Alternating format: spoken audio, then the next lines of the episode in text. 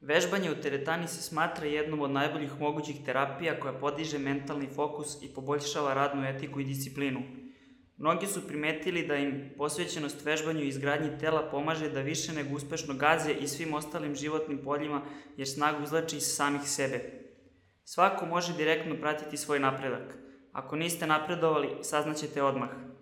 Svi koji su barem jednom u životu odradili trening u teretani, shvatili su kako je dobar osjećaj u sobstvenoj koži nakon okočanja vežbanja.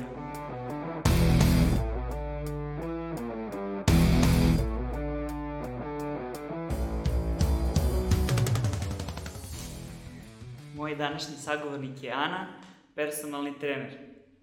Pre, pre svega zdravo i hvala što si došla nakon toliko dugog dogovaranja.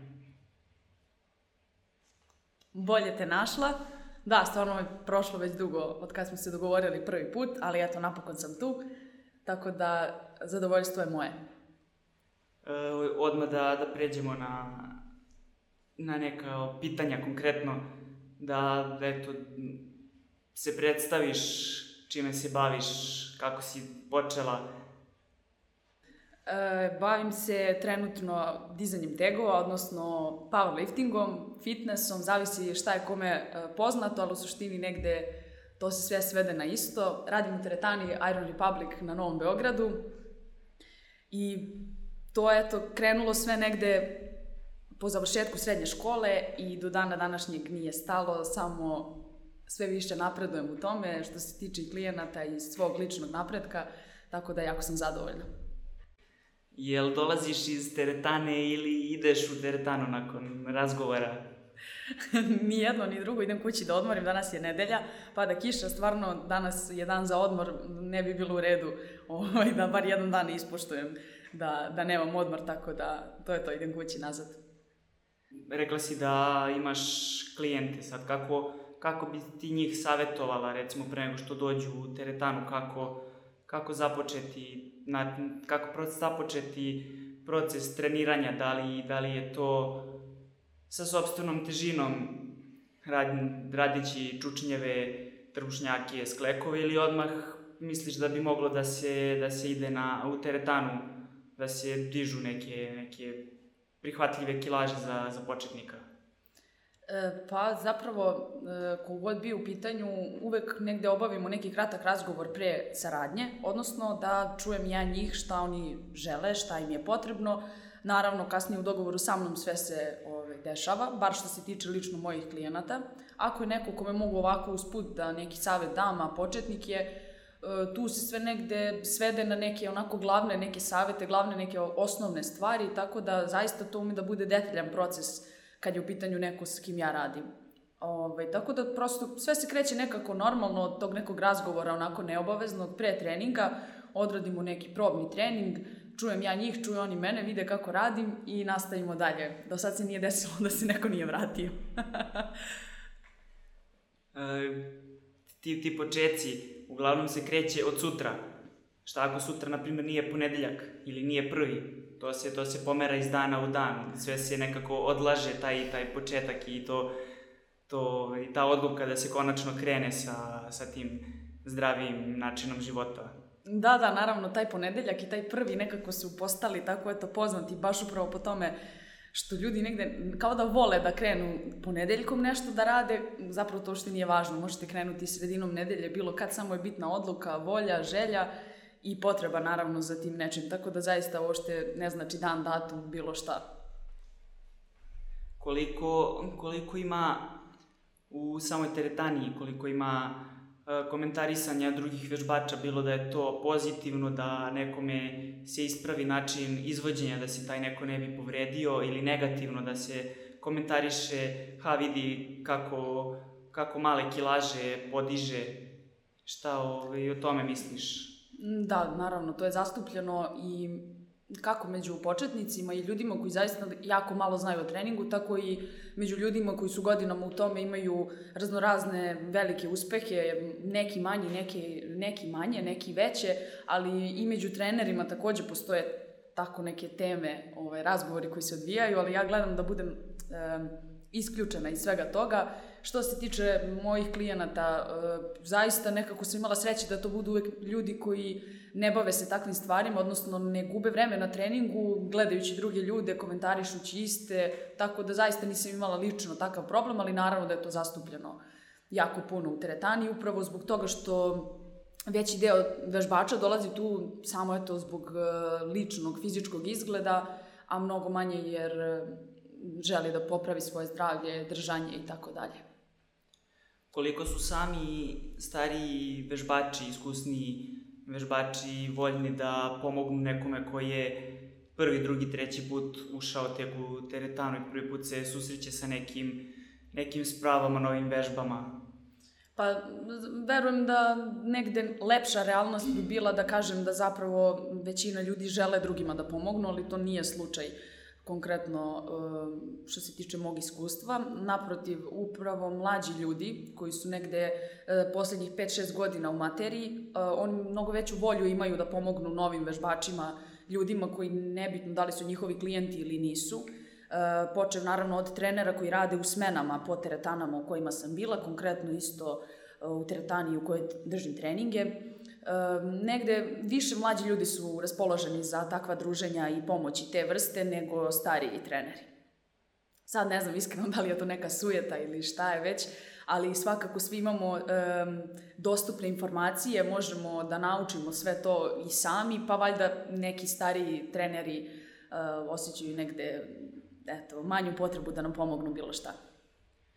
Koja je pre svega uloga personalnog trenera ukoliko se neko odluči da takvu pomoć zatraži, koliko je vremenski period misliš da je da je potrebno da trener bude uz, uz početnika? Smatram da svaki početnik negde treba da dobro razmisli da li ima tu neku dobru podršku pored sebe, ukoliko ne odluči da uzme trenera, a ako uzima trenera, e, mora da bude strpljiv i mora da razgovara sa trenerom, a trenerova uloga jeste upravo ta da ceo taj proces približi klijentu. Negde 5-6 meseci bez toliko vremena ovaj, zaista ne bi trebalo očekivati bilo kakve rezultate. Ovaj, to i tebi poznato i ti treniraš, tako da verujem da si kroz ovih nekoliko meseci koliko se znamo upoznao ovu, ovu priču o kojoj sad govorim, tako da prosto ne može ništa na brzinu proces je jako komplikovan i zahteva vreme i strpljenje. Što se tiče samog treninga, uh, svako od nas ima mobilni telefon, dostupne su i aplikacije kroz koje može da se izabere sam trening i taj neki proces kroz koji će nas aplikacija voditi. Misliš li da, da na taj način može da se dođe do, do nekog napredovanja ili, ili misliš da je ipak neka individualna stvar? Pa, e, dosta, dosta toga zavisi predznanje od e, predznanje koje određeni čovek eto, može u nekom trenutku da ima. Mm, ako već negde ulazi u materiju, uči sa druge strane, sa nekih e, foruma, sajtova i tako dalje, u tom slučaju može takva aplikacija da pomogne, ali ako baš nemamo nikakvo znanje o treningu, o materiji treninga, nije, nije moguće ostvariti bilo kakav uspeh jer ćemo raditi nešto na pamet, a prethodno nismo proverili da li je to ono što nama treba.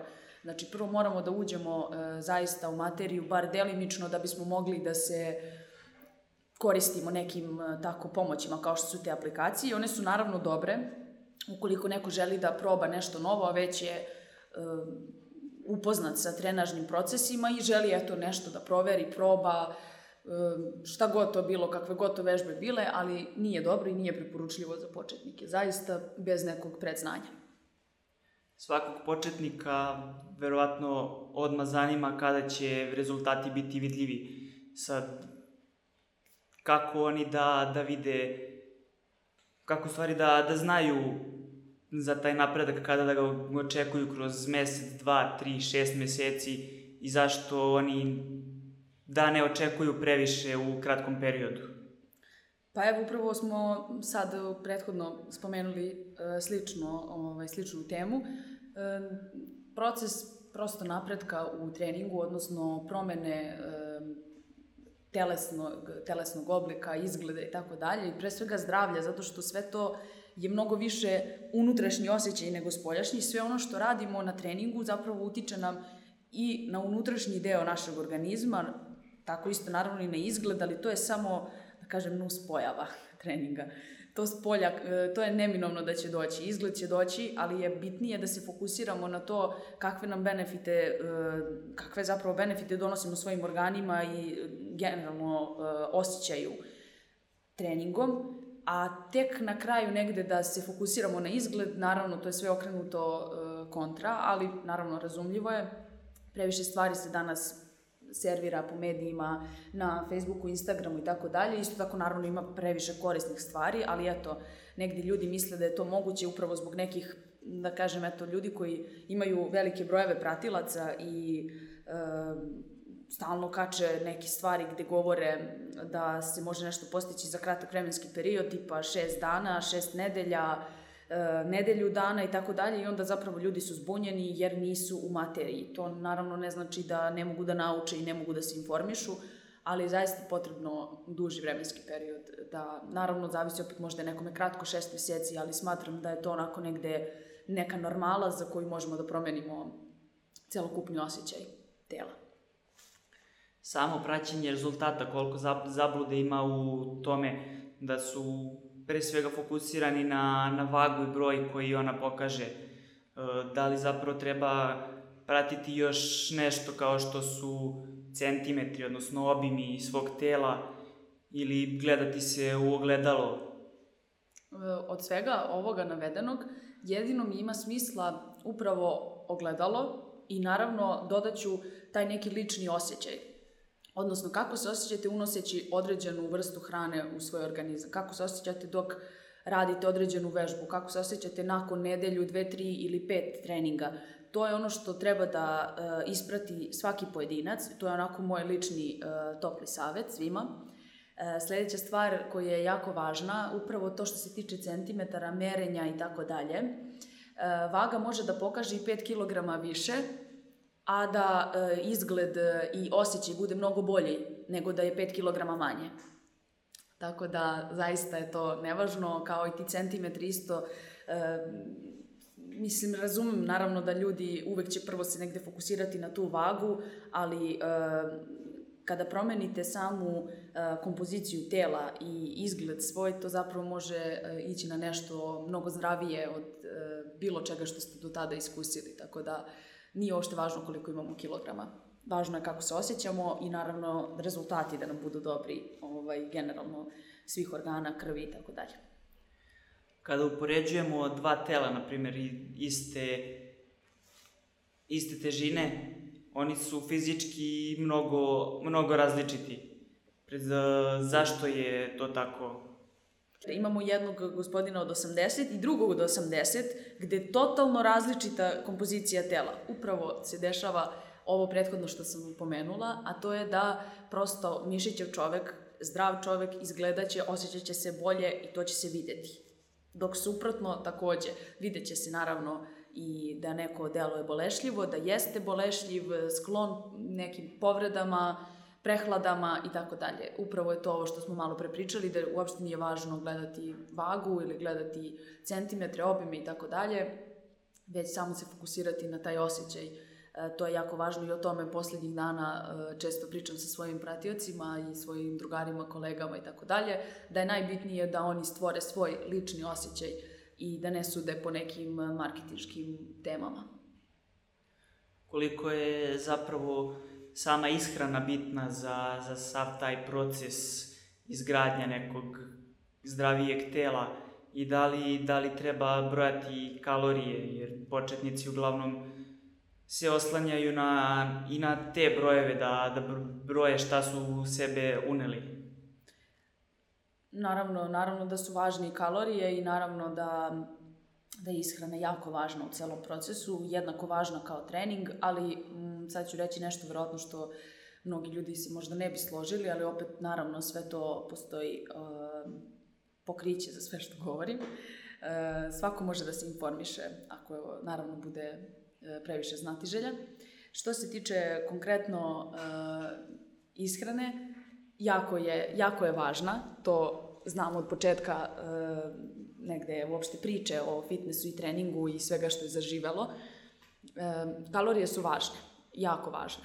Ali početnici ne treba da se fokusiraju na tako nešto, jer to će im stvoriti dodatno opterećenje, E, razmišljaće koliko proteina ima u jajima, koliko masti ima u jajima, da li ima hidrata u jajima, da li ima hidrata u obstenim pahuljicama i tako dalje, koliko ih ima i previše pitanja, previše začkoljica koje zaista početnik ne treba e, da negde gleda kao važne, već da pusti polako uh, svoje telo da radi uh, svoj posao u teretani i sve će doći na svoje. Naravno, neke okvirne smernice treba da imaju, ali zaista samo okvirne, ne u detalje i ne u grame.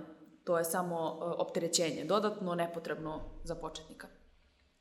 Ukoliko već smo odlučili da, da držimo do te, ne, te neke zdravije ishrane, a nemamo mogućnost, nismo poneli pripremljeno ili mi nećemo biti u prilici u neko skorije vreme da, da sam obrok pojedemo, koje opcije nam su nam dostupne u vidu restorani, neka brza hrana, a da, je, a da je zdravija neka solucija. Da, da, da je neka zdravija varijanta. Naravno, uh, moguće je tako nešto sebi kupiti na ulici i uzeti meso, na primjer, sa roštilja koje nije zapakovano u hleb sa gomilom sastojaka. Mislim, to naravno samo je e, pitanje ko želi da se potrudi da, na primjer, sedne na klupicu u parku, ja gomilu puta jedem na polju, zato što ponesem hranu sa sobom ili kupim spremljenu, ali zamoliš e, gospodu koja rade na određenom mestu, restoranu ili brzoj hrani da vam spakuju to na, na način koji vama odgovara, tako da zaista može da se nađe solucija i za tako nešto i čak i u prodavnicama može da se kupi nešto što može da zapravo je zdravija varijanta od grickalica, čokolade i krosana, na primjer. Tako da, ko želi može, zaista može. Sad ono, ono suprotno, nezdrava, nezdrava hrana, koliko zapravo je za nešto tako uneto u, u organizam potrebno da se to potroši, taj, taj broj kalorija, koliko fizičke aktivnosti neko treba da, da uradi da bi, na primjer, jedno parče pice sagoreo ili, ili neku, neku gurmansku pljeskavicu i slično. Mm, pa gurmanska pljeskavica je super. Ove, što se tiče te nezdrave hrane, i zapravo samo postoji nezdravo spremljena hrana, odnosno način nije zdrav na koji je spremljeno nešto. Svaka hrana je zdrava, eto, pogledamo na primjer picu i bilo šta od sastojaka što se stavlja na, na picu je zdravo, zapravo samo je to ako nauljimo previše neće biti zdravo, ali u suštini sve što se stavlja od proizvoda e, da tako izgleda tako šareno i sve, to je, mislim, naravno sve to zdravo. Tako da, samo je pitanje kako je nešto spremljeno, zato opet kažem, postoje opcije za sve to, ali ako smo već pojeli nešto što eto, nije spremljeno baš na neki adekvatan način, e, pa zapravo ne treba se previše opterećivati takvim stvarima, ako nam je već negde 80% ishrane fokusirano na zdravije varijante, odnosno hranu koju mi lično spremimo. Sad bih baš mogla ovde eto, slušalcima da dam e, primer. Na primjer, ako pojedete e, jaje spremljeno u restoranu, odnosno, na primjer, omlet koji je zamašćen, ne znam da li uljem ili mašću, nisam sigurna čime, čime prave, ali svakako se ja bolje osjećam ako, na primjer, skuvam jaja ili, ili kući spremim na ulja koliko ja želim ili E, kad kupim u restoranu, pa ono, dobijemo neki osjećaj onako kao da me uspava, to je naravno razlika upravo u tome kako je spremljena hrana. Ne u, ne u tome da jaja nisu zdrava, naprotiv. Da li je ipak nakon svega toga moguće uh, ispraviti sebe i napraviti neki, neki balans u narednim obrocima, narednim danima? Naravno, naravno, upravo to i rešava problem, odnosno da se nastavi tamo gde se stalo, nije strašno, naprotiv, e, zapravo problem je ako ne jedete u tom trenutku kad je trebalo da jedete, nego kao nećemo da jedemo ništa jer trenutno nemamo zdravu varijantu, to nikako ne dolazi u obzir, pojedite bilo šta i naravno nastavite posle toga normalno da se hranite kao do tad. E, zaista se ljudi terete takvim stvarima i onda sklanjaju fokus sa nekih važnijih, a ne bi trebalo tako da bude. To zapravo treba bude jedan jako lep i prijatan proces, a ne, ne neko opterećenje. Kako izbeći da taj jedan obrok nezdrav preraste u, u nezdrav jedan ceo dan ishrane ili još, još goru situaciju da se u narednom dužem periodu nezdravo hranimo. Da, to se, to se jako često dešava ljudima koji su na nekim rigoroznim dijetama duže vremena i mm, u toku tih rigoroznih dijeta e, rade treninge kao da su na najnormalnijem mogućem režimu ishrane. To se naj, najčešće dešava ljudima koji, e, eto, duži, duži neki vremenski period žive tako. E, to se neće desiti nekome ko ima izbalansiranu ishranu, nekome ko sebi ne brani osnovne namirnice da jede, nekome ko nema strah od kalorija. To je jako važna tema i jednom bi voljela, na primjer, malo e, detaljnije to da pričamo na tu temu, zato što je to zapravo danas najzastupljenije, a sve je krenulo od toga što nam se uvek prvo negde servirala ta neka dijeta koju koriste bodybuilderi, odnosno to je nešto najpopularnije, to belo meso i pirinač i sad mi smo sebi uzeli i E, paradajz i papriku i bilo kakvu drugu e, namirnicu, jer negde, eto, neki tamo bodybuilder koji izgleda super strava, e, jede to, odnosno ne jede ostalo povrće i tako dalje. Tako da zaista to je nešto što od čega se uvek kreće, a ne bi trebalo da, da je tako, ali prosto, eto, mediji su to učinili tako popularnim, pa dešava se svima da pogreše.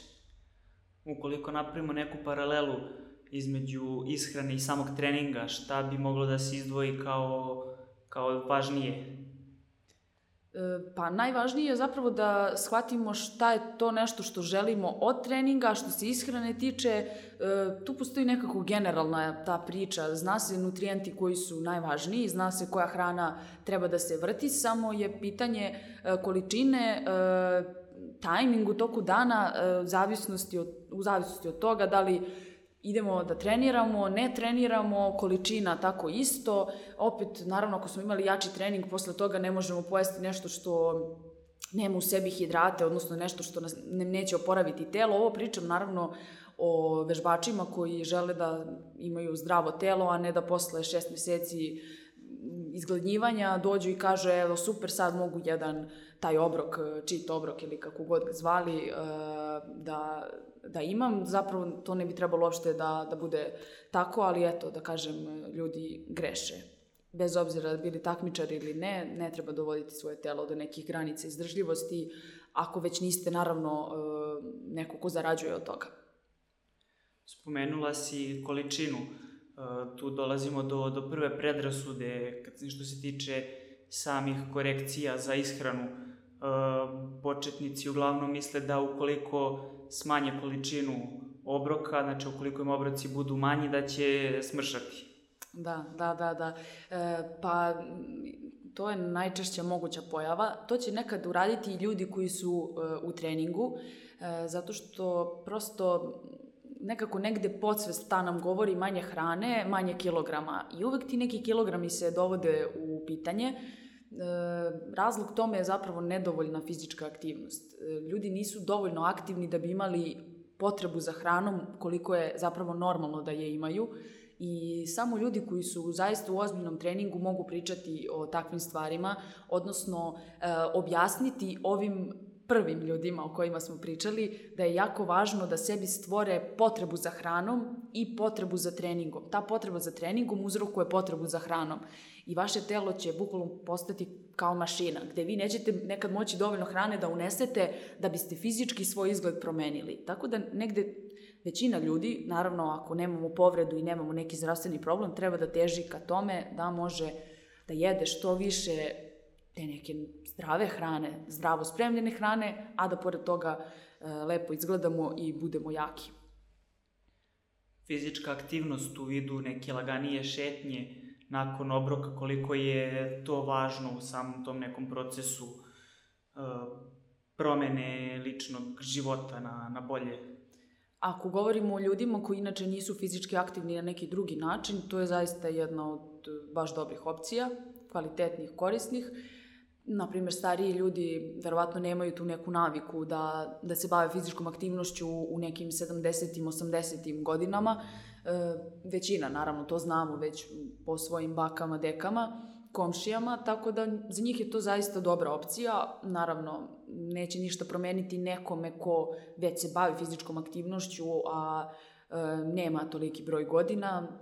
važno je biti fizički aktivan, a ta šetnja, eto, konkretno populaciji o kojoj sam sad pričala može pomoći mnogo više nego mlađim ljudima. Mlađi ljudi uvijek treba da teže nekoj ozbiljnijoj fizičkoj aktivnosti, ali naravno da je šetnja jako dobra i korisna.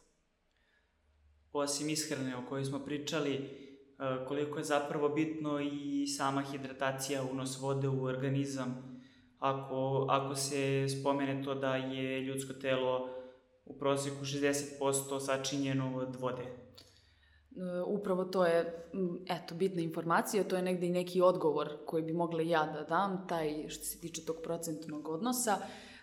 Pa naravno da je, da je važno. Zapravo evo jedan primer mogu da dam bilo kome ko, na primjer u toku dana kad radimo bilo kakvu aktivnost na poslu smo ili šetamo ulicom ili idemo po nebitno dalje vruće napolju ili hladno, kako god bilo, osetite blagi umor. E, popijete čašu vode ili par gutljaja vode, ja sam sigurna da će svako da oseti olakšanje, odnosno kao da se probudite odjednom iz tog nekog stanja. Tako da ovo sam testirala naravno sve na sebi i e, ako pratim iz dana u dan koliko vode pijem i ako je taj unos 2 litra minimum i preko toga, e, osjećam se mnogo bolje, mnogo manje sam umorna i mogu da podnesem e, raznorazne fizičke aktivnosti u toku dana, tako da zaista e, je jako važno, pogotovo na duži vremenski period, a da ne pričam o tome koliko vam koža, kosa mogu biti lepši e, zbog unosa vode. To je isto onako jedna važna stvar. Spomenuli smo boravak u prirodi, odnosno šetnju, da je dobar, dobar vid rekreacije, ukoliko nešto drugo nije u mogućnosti sad, koliko je trening u prirodi kao opcija, da li, da li mora da, da bude odlazak u teretanu kao prioritet ili ipak je moguće nešto uraditi na, na otvorenom. Ako uzmemo u obzir da sad eto, ima i dosta sprava i napolju da se radite neke osnovne vežbe. Naravno da je dobra opcija.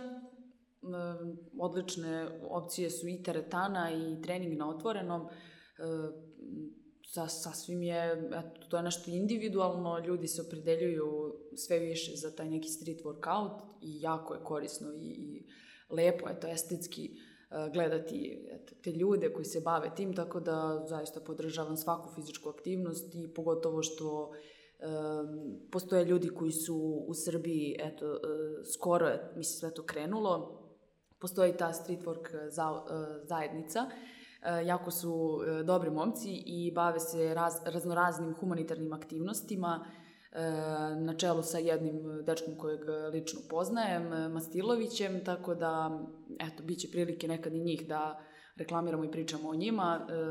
Skoro, mislim, sve više i više zapravo u poslednje vreme postoje mlada, mala deca, eto, koji se re, leče tim SMS porukama, oni su organizovali razna svoja takmičenja i pored toga su se družili, e, sakupljali novac za lečenja te dece i ovim putem, eto, pozdravljam svaku njihovu aktivnost i uvek ću vrlo rado da proširim njihovu priču kad god nešto budu objavljivali i planirali. Tako da pozdrav za njih ovim putem. Pridružujem se i ja pozdravima. E, a sad, protekla situacija koja, evo, nadam se da je uskoro kom, kompletno iza nas. E, dosta, dosta, dosta vežbača je dovelo do odluke da sami izgrade svoju neku teretanu, bilo da imaju dostupno dvorište ili da imaju prostora u stanu. Sad, kakva je opcija tu da neko sam sebi izgradi ono što mu treba za, za svoje potrebe? To, tu postoji jako mnogo opcija, pogotovo ako ste negde mimo grada zapravo stacionirani, ako živite negde na periferiji ili na selu, kao na primjer ja, za vreme karantina čak otišla sam kući i nekih mesec dana trenirala sam u tim kućnim uslovima, tačnije dvorišnim uslovima, da budem preciznija, i postoje, postojalo je naravno tu jako puno opcija da napravim i teg i da nešto onako eto od betona izlivamo, da prevrćemo gume i tako dalje. Mislim, mislim čak da kod mene na Instagram profilu postoji razno razni neke te, da kažem, ajde, opcije za pravljanje tegova kući, tako da postoji naravno e, način da se i tad ostane fizički aktivan, sve stvar odluke i eto, te neke želje bez traženja izgovora u virusu ili bilo čemu. Naravno, sve pod uslovom da smo zdravi u tom trenutku i da nismo vezani za e, krevet.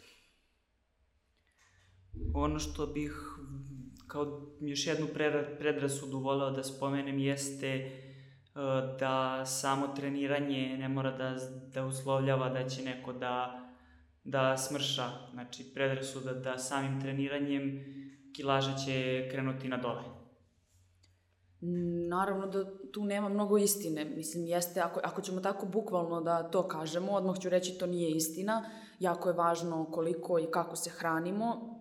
Ne možemo baš sve odraditi treningom. Ok, naravno da to utiče pozitivno na, na telo i osjećaj u toku dana, u toku godine, nedelje i tako dalje, ali ako u nekom trenutku prestanemo, vodimo računa šta jedemo i krenemo da utrpavamo u sebe svakakvu hranu, treningom nećemo ništa uraditi, možemo se povrediti jer je telu potrebno e, zapravo podrška e, u treningu ishranom i 100% to potvrđujem, tako da na duže vremenske staze ne treba se previše opuštati sa hranom, tako da to je to. Još jednu predrasudu koju bih hvaleo da, da spomenem jesu, jesu, jest uzimanje suplemenata to jest da samo njihovo konzumiranje dovodi do povećanja mišićne mase. Da, ta, ta predrasuda postoji uglavnom eto isto među početnicima. Nekad e, čak i napredni vežbači kad dođe do neke stagnacije u treningu pribegavaju takvim opcijama iz razloga što ljudi misle da je to neko magično, čarobno sredstvo, a zapravo ne, to je samo podrška izbalansiranoj i zdravoj ishrani, na čemu zapravo i treba da bude fokus, to je odgovor na, na to pitanje. To jeste naravno samo eto predrasuda, ništa drugo. E, fokusirajte se na ishranu, fokusirajte se na meso, mleko, jaja, povrće, krompir, hleb i tako dalje i nema problema, unećete sve što vam je potrebno. E, vitamine, minerale, naravno podržavam sve e, što se tiče suplementacije i unosa iste, ali to nije broj jedan i nikada neće biti broj jedan u odnosu na ishranu. Tako da, to je to. Dakle, suplementi nisu zamena za doručak, ručak i večer, oni su tu samo da kao neka dopuna obrocima. Naravno, upravo tako. Lepo si to rekao. A kada je pravo vreme za za ubacivanje suplemenata, da kada je najbolje početi sa, sa uzimanjem suplemenata? Ne postoji neko tačno vreme kad je to najbolje, negde smatram da to može od početka da se krene, naravno ko želi da izdvoji, ima naravno novac da izdvoji za suplementaciju koja nije uh, uopšte jeftina. Uh, mislim, bit ću realna, zaista ne bi preporučila nekome ko uh, je student ili nema lično svoj zarađen novac koji može sa strane da odvoji za, za suplementaciju, da taj novac ostavlja za suplementaciju. Zapravo fokus na ishranu, suplementacija može da se ubaci od početka, nikakav problem nije, ali eto, samo u slučajevima gde, gde vam je to eto, onako lagodnost da date novac na to. Jedna izreka koju sam pronašao jeste E, doručkuj kao kralj, ručaj kao princ i večeraj kao siromah. Koliko zapravo tu ima istine? To je neko verovatno od ranije dosta verovanje, neko izjavio dosta ranije. E, to uopšte danas ne možemo tako to uzeti zdravo za gotovo, upravo jer danas ljudi su mnogo bolje upoznati sa treningom i ishranom i čitavom tom avanturom. E, zašto ne možemo to da shvatimo ozbiljno? Upravo jer individualne su potrebe svih nas. E, postoji verovanje da posle 7 ili 6 e, časova popodne ne bi trebalo da, e, da jedemo bilo šta do odlaska u krevet. Isto tako, apsolutno to nije tačno, apsolutno nije zdravo i ne preporučujem tako nešto, ali eto, ta neka verovanja ostaće kao i odnos, na primjer, nutrijenata u ishrani, postoji neko verovanje od ranije što se tiče odnosa unosa hidra, hidrata, proteina i masti, koje danas, na primjer, ne možemo uzeti zdravo za gotovo, upravo je to jer svako je individua za sebe i svako ima različite potrebe u treningu. Još jedna predrasuda koju bih voleo da, da spomenemo jeste sam broj obroka, da ukoliko imamo više obroka, da ćemo se ugojiti to zapravo može biti istina samo ako svaki taj obrok e, obuhvata preobilne e, tanjire hranom.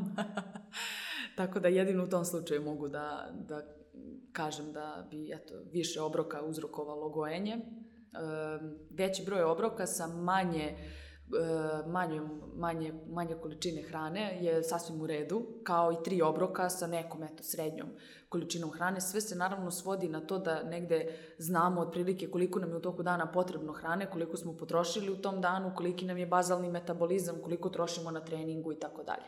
Tako da po tome treba da se vodimo. Nije toliki problem ako imamo i dva obroka nekad i ne stignemo da jedemo.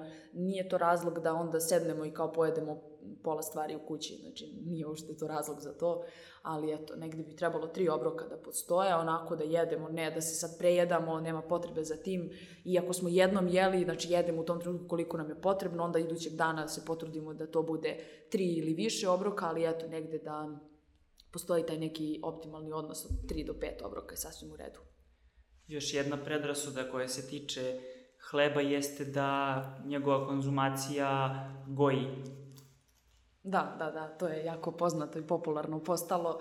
E, ja često volim to da demantujem na svojim storijima, to zapravo nije tačno. Svako ko želi da se malo više informiše o tome, e, može to da uradi bilo gde na, na Google i da, da pogleda zapravo nutritivni sastav i da se uveri da to nije tačno. Naravno, ne treba preterivati sa bilo kakvim ugljenim hidratima, isto tako i sa proteinima, bez obzira koliko oni pozitivno uticali na rast e, mišićne mase, ali svaka hrana je dozvoljena da se jede i sve ima svoju svrhu, pa čak i palačinka sa mnogo krema.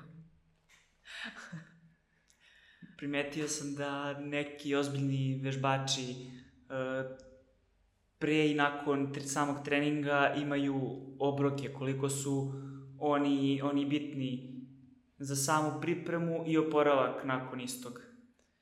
Imaju jako, jako visoku i važnu ulogu, upravo jer nam je potrebna energija da bismo mogli da odradimo bilo koji trening. E, koliko god on bio jak ili slab, ovo govorimo upravo o rekreativcima, vežbačima koji su dugo ili kratko u treningu, nebitno, ne govorimo o sportistima jer oni u svoje svrhe zapravo moraju nekad i podneti neku žrtvu u svrhu svojih priprema, naravno.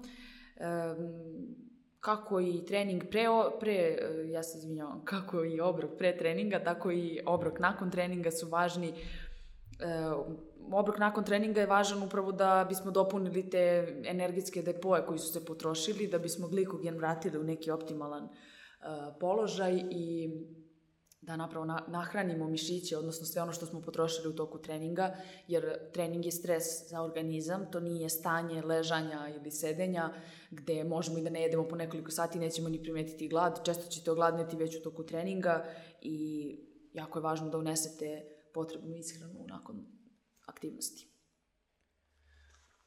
Koji je optimalan broj nedeljnih odlazaka na, na trening u zavisnosti od cilja koji imamo? Pa da, upravo od cilja i zavisi.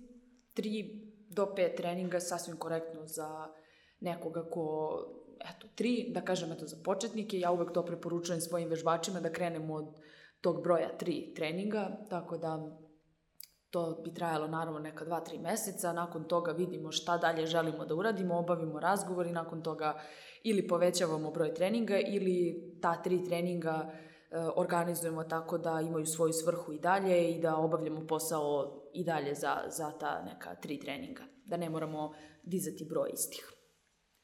Jedna od takođe velikih dilema e, jeste šta je bolje, da li biti na definiciji ili na masi.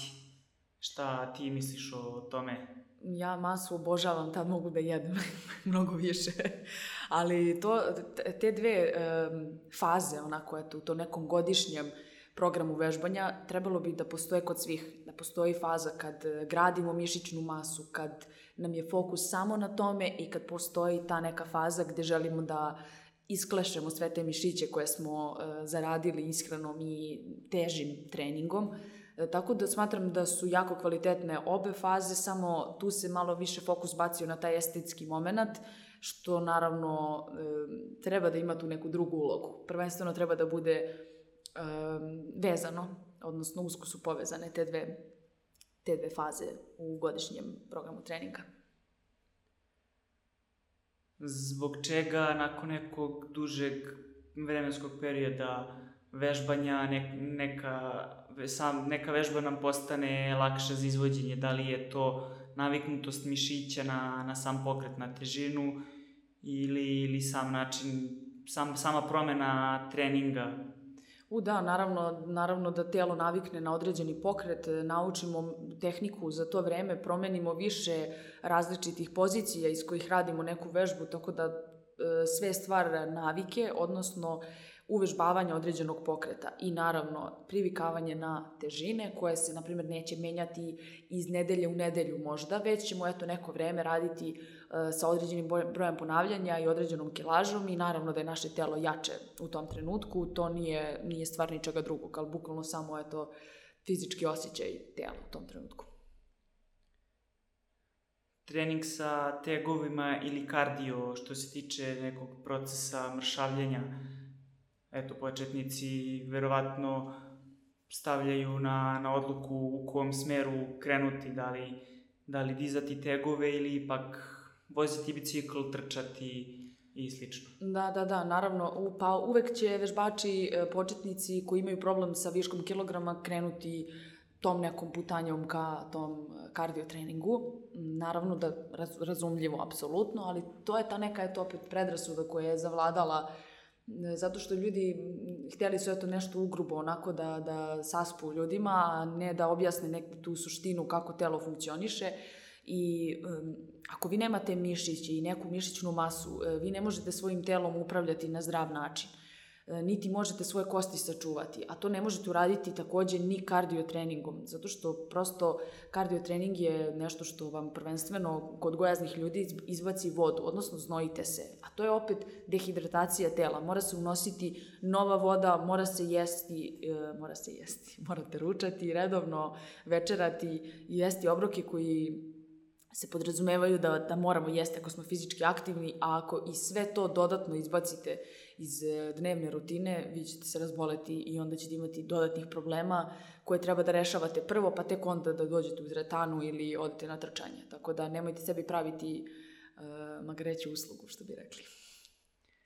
Mišićna memorija, koliko je ona, uh, za, koliko je ona bitna eto, za, za nekoga ko, na primjer, pravi pauzu zbog nekih razloga, pa se vraća samim, samim treninzima koliko je, da. koliko je mišić pametan. Uh, pametan i koliko, je, koliko mu je pokret ostao u sećanju, da tako kažem. Pa to je dosta i do vežbača i do njegove ponovne želje da nastavi gde je stao i naravno da mišić jako lako može da se vrati u neko eto, optimalno stanje. Naravno nije, ne može to nekim brzim procesom da, da se desi E, zato što svaki odmor naravno nosi svoje posledice, ali eto i ti znaš da, da neke pauze ne moraju biti drastično teške po vraćanje na trening i uvek je dobro vratiti se, to je važno, a opet da te neke pauze ne budu po šest ili šest meseci ili godinu, dve, tri, to je već, e, e, to je već onako ozbiljna, ozbiljna pauza i ne preporučujem nikome, osim naravno ako nemaju povredu ili neku, ne Bože, bolest. U svakoj teretani možemo primetiti da postoje, osim tegova i sprave, sad neka, neka osnovna razlika između ta dva, zašto bi neko trebao da se opredeli ili zašto ne bi trebao da se opredeli za ono drugo? E, naravno, apsolutno jasno pitanje. E, potrebno je naravno da svakome objasnimo eto, tu neku osnovnu funkciju tela. Evo, lično ja šta govorim i svojim vežbačima i ljudima kojima kažem bilo šta, onako pomognem u teretani uz put, to je da zapravo fokus uvek treba da bude na tim glavnim, ozbiljnim, višezglobnim vežbama, odnosno pokretima koji nam trebaju u životu, kao što je podizanje sa poda, tu naravno mislim na čučanj, mrtvo dizanje i ostale vežbe koje zahtevaju da nam celo ra telo radi u jednom trenutku, odnosno kao što su veslanja, kao što je bench press, kao što je bilo koji pokret gde zahteva kontrolu ruku, nogu, stomaka, kora, leđa i tako dalje. Dakle, fokus na takve stvari, sprave su tu naravno kao dodatna pomoć, kao e, jako korisna stvar i naravno da treba koristiti sprave, ali eto negde fokus dok telo nauči da radi ono što je potrebno, neka bude na tim e, slobodnijim malo vežbama, odnosno šipkama, tegovima i to bi bilo to. Koliko je bitno istezanje uh, i da li, da li treba da se istežemo prije ili nakon treninga? Nakon treninga zapravo mnogo više ima, ima smisla. Uh, naravno da to ne bude nešto gde će da nas boli, već taj napeti mišić, odnosno uh, mišić koji je pretrpeo, eto, kažemo, stres neki na treningu.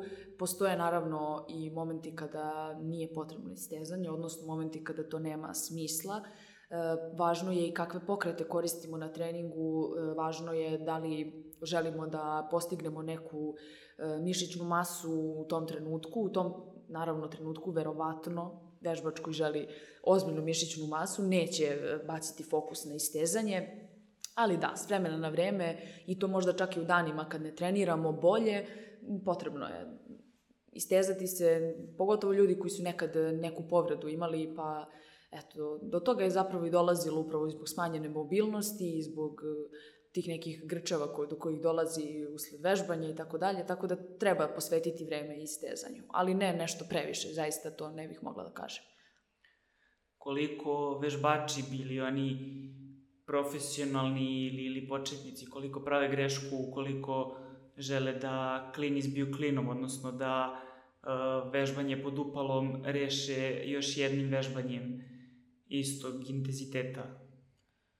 To često dovodi do pretreniranosti, odnosno do te neke tog nekog nemanja kontrole nad svojim telom i osjećajem uopšte na treningu, uopšte nije to poenta da, eto, sad ako imamo upalu, na primjer, ne treniramo sedam dana dok to ne prođe. To apsolutno nije dobro, ali isto tako nije dobro da dođemo i sutradan odmah se ponovo ubijemo na treningu da bismo ubili kao tu upalu i klin se klinom izbija. Mislim, razumem apsolutno šta ljudi žele tim da postignu, ali eto, ta neka pauza od dan, dva, zaista smatram da je dovoljna između e, tih treninga, jer svaka neka promena u treningu i pojačavanju intenziteta, dizanju kilaža dovodi do upale. To je sasvim normalno.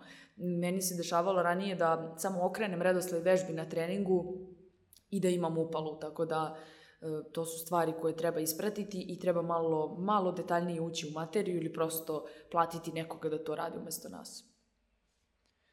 Da li se samo fizički odmarati od upale ili misliš da vitamini i minerali mogu doprineti bržem oporavku i prolasku same upale?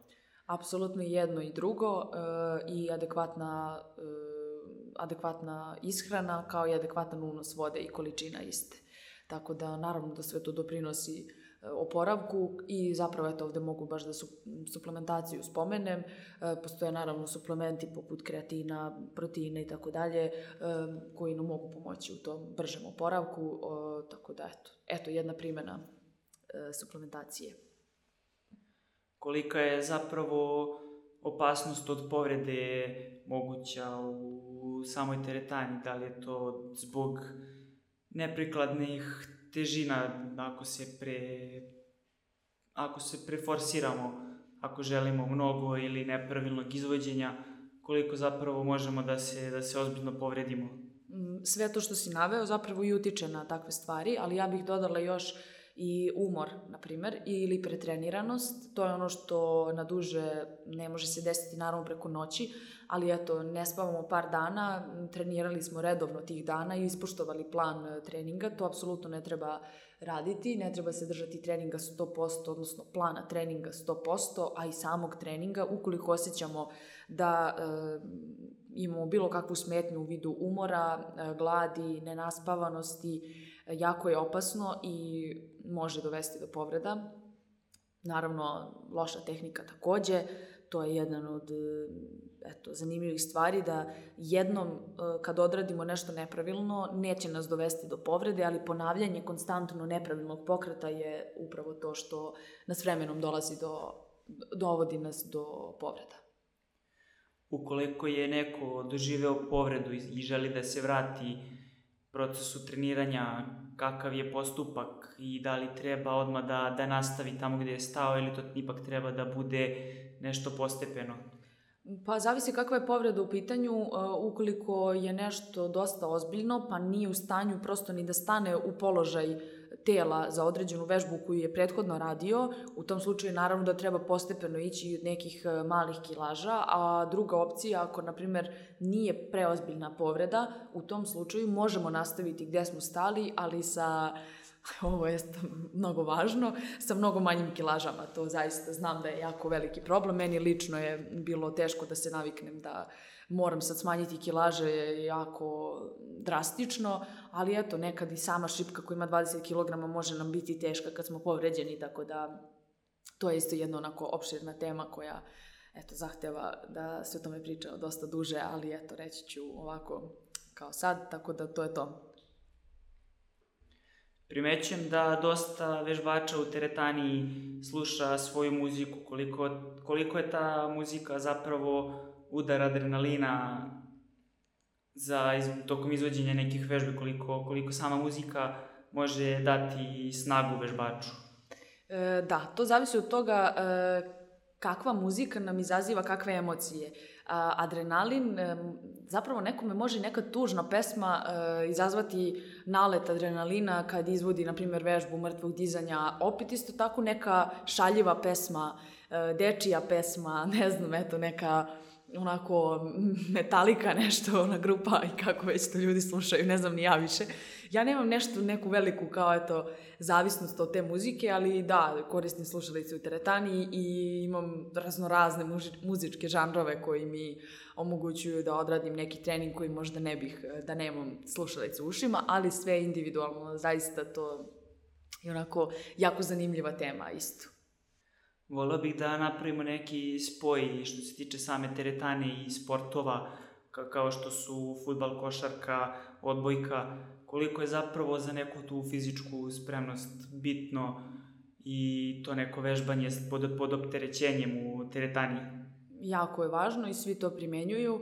E, borilački sportovi takođe su uključeni u, u, u ovu temu. E, jako je bitno da se eto, trenira skočnost, e, ta neka priprema za trčanja, za odbrane što se tiče e, konkretno futbala, eto, oni trče po 90 minuta, bukvalno to zaista ne bi mogli konkretno samo trčanjem da izvedu, jer telo nije samo po sebi dovoljno jako ukoliko treniraju samo eto, konkretno trčanje, ili naravno rade i vežbe u teretani e, kroz razne poslove i konkretno posao personalnog trenera. Shvatila sam da je sve više ljudi koji pribegavaju ovakvim aktivnostima. Ranije je to bilo naravno onako eto malo diskutabilno i ljudi su bili možda i skeptični malo kao kako ću da treniram u teretani, a treba mi da mogu da bacim loptu, ne znam, ili da dobacim do koša i tako dalje. Naravno, u tome ne smeju da preteruju, to je jasno, upravo zbog